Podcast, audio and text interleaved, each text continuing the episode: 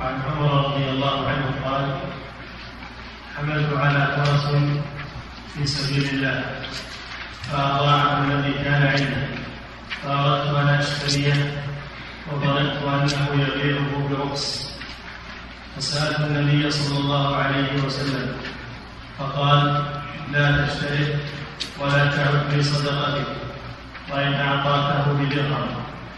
فإن العائد في هبته كالعائد في قيده وعن ابن عباس رضي الله عنهما أن رسول الله صلى الله عليه وسلم قال العائد في هبته كالعائد في قيده وفي لفظ فإن الذي يعود في صدقته كالكلب يطيب ثم يعود في قيده نعم. وهذا الحديث أيضا عن عمر بن الخطاب رضي الله عنه. قال حملت على فرس. يعني أعطيت الفرس لمن يغزو عليه في سبيل الله عز وجل فهذا فيه الإنفاق في سبيل الله إنفاق الخيل والإبل والسلاح والعتاد. والله جل وعلا يقول جاهدوا بأموال وجاهدوا بأموالهم وأنفسهم في سبيل الله. فالجهاد يكون بالمال كما يكون بالنفس. وهذا عمر حمل غازيا حمل غازيا على فرس يعني أعطاه إياه تصدق به عليه ليغزو عليه في سبيل الله. لكن هذا الذي أعطي الفرس أضاعه ولم يعرف قيمته ولم يعرف قيمته. فأراد عمر أن يشتريه منه تفاديا لضياعه تفاديا لضياع الفرس. لكنه لم يقدم على ذلك حتى سأل النبي صلى الله عليه وسلم. فهذا فيه مشروعية استشارة أهل العلم. قبل أن يقدم الإنسان على شيء فإنه يستشير أهل العلم لئلا يخطي في تصرفه. فالمشورة مشورة أهل العلم فيها تسديد فيها خير والعالم يتنبه لشيء لم يتنبه له السائل. استشار عمر رسول الله صلى الله عليه وسلم. فالرسول صلى الله عليه وسلم نهاه نهاه عن اشترائه ولو باعه بدرهم فدل على أن من تصدق بصدقة سواء كانت صدقة واجبة كالزكاة والكفارة أو صدقة مستحبة. فإنه لا يجوز له أن يسترجعها ولو بالشراء.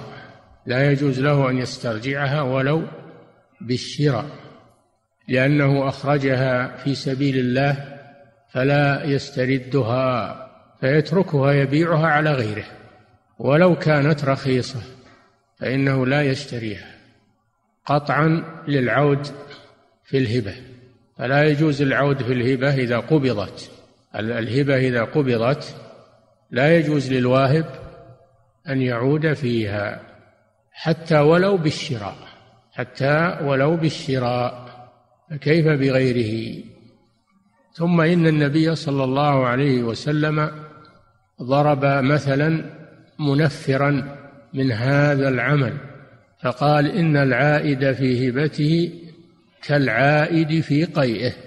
وهل أحد يعود في قيئه وهو ما استفرغ من معدته؟ ما تكرهه النفوس تشمئز منه. إن أحد يأكل قيئه. والأشد من ذلك شبهه بالكلب. قال كالكلب يقيء ثم يعود في قيئه. فهذا من باب التنفير. هذا من باب التنفير عن هذا العمل. حيث إن النبي صلى الله عليه وسلم شبهه بالذي يأكل القيء بعدما استفرغه من معدته وهذا تنفر منه الطباع ولا يقدم عليه إلا الكلب. ما يقدم عليه إنسان وإنما يقدم عليه الكلب الذي هو من أخس الحيوانات. فدل هذا الحديث على أنه لا يجوز العود في الهبة بعد قبضها أو الصدقة الهبة أو الصدقة. واجبة أو مستحبة بعد قبضها حتى ولو بالثمن والشراء سدا للذريعة. وفيه ضرب الأمثلة المنفرة عن الوقوع في المحذور. فإن النبي صلى الله عليه وسلم ضرب مثلا منفرا من ذلك. حتى لا يعود إليه المسلم. نعم أعد الحديث. عن عمر رضي الله عنه قال حملت على فرس في سبيل الله فأضاع الذي كان عنده.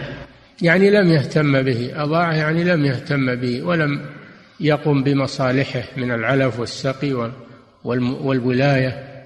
نعم. فأضاعه الذي كان عنده فأردت أن أشتريه وظننت أنه يبيعه برخص نعم. يعني يقول ما له قيمة عند الرجل هذا ربما يبيعه برخص. فعمر وعمر يعرف الفرس يعرف الفرس وأنه فرس جيد فأراد أن يتفادى ضياعه. نعم. فسألت النبي صلى الله عليه وسلم فقال لا تشترك ولا تعد في صدقتك وإن أعطاكه بدرهم. يعني وإن لأنه لأنه ظن أنه سيبيعه برخص لأنه ما يعرف قيمته. النبي صلى الله عليه وسلم قال ولو باعه بدرهم. لو باع الفرس بدرهم لا تشتري. نعم. فقال لا تشترك ولا تعد في صدقتك وإن أعطاكه بدرهم فإن العائد في هبته كالعائد في طيره. عن ابن عباس رضي الله عنهما. استثنى من العود في الهبة الوالد إذا وهب لولده شيئا والولد قبض الهبة يجوز للوالد أن يرجع لأن النبي صلى الله عليه وسلم يقول أنت ومالك لأبيك فله أن يرجع الوالد له أن يرجع في هبته لولده. وأحيانا يجب عليه الرجوع إذا وهب لبعض أولاده دون بعض كما يأتي في حديث النعمان بن بشير يجب عليه الرجوع ولا يعطي بعضهم ويترك بعضا فالوالد له خاصية.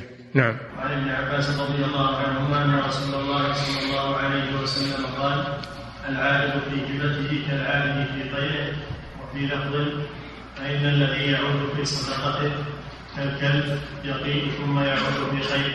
يعني العود لا يجوز سواء في الصدقة واجبة أو مستحبة أو في الهدية والهبة. إذا قبضت إذا قبضت فلا يجوز للواهب والمهدي والمتصدق أن يرجع فيها ولو بالثمن ولو بالثمن لا يشتريها لأنه تركها لله عز وجل فلا تعود إليه. نعم.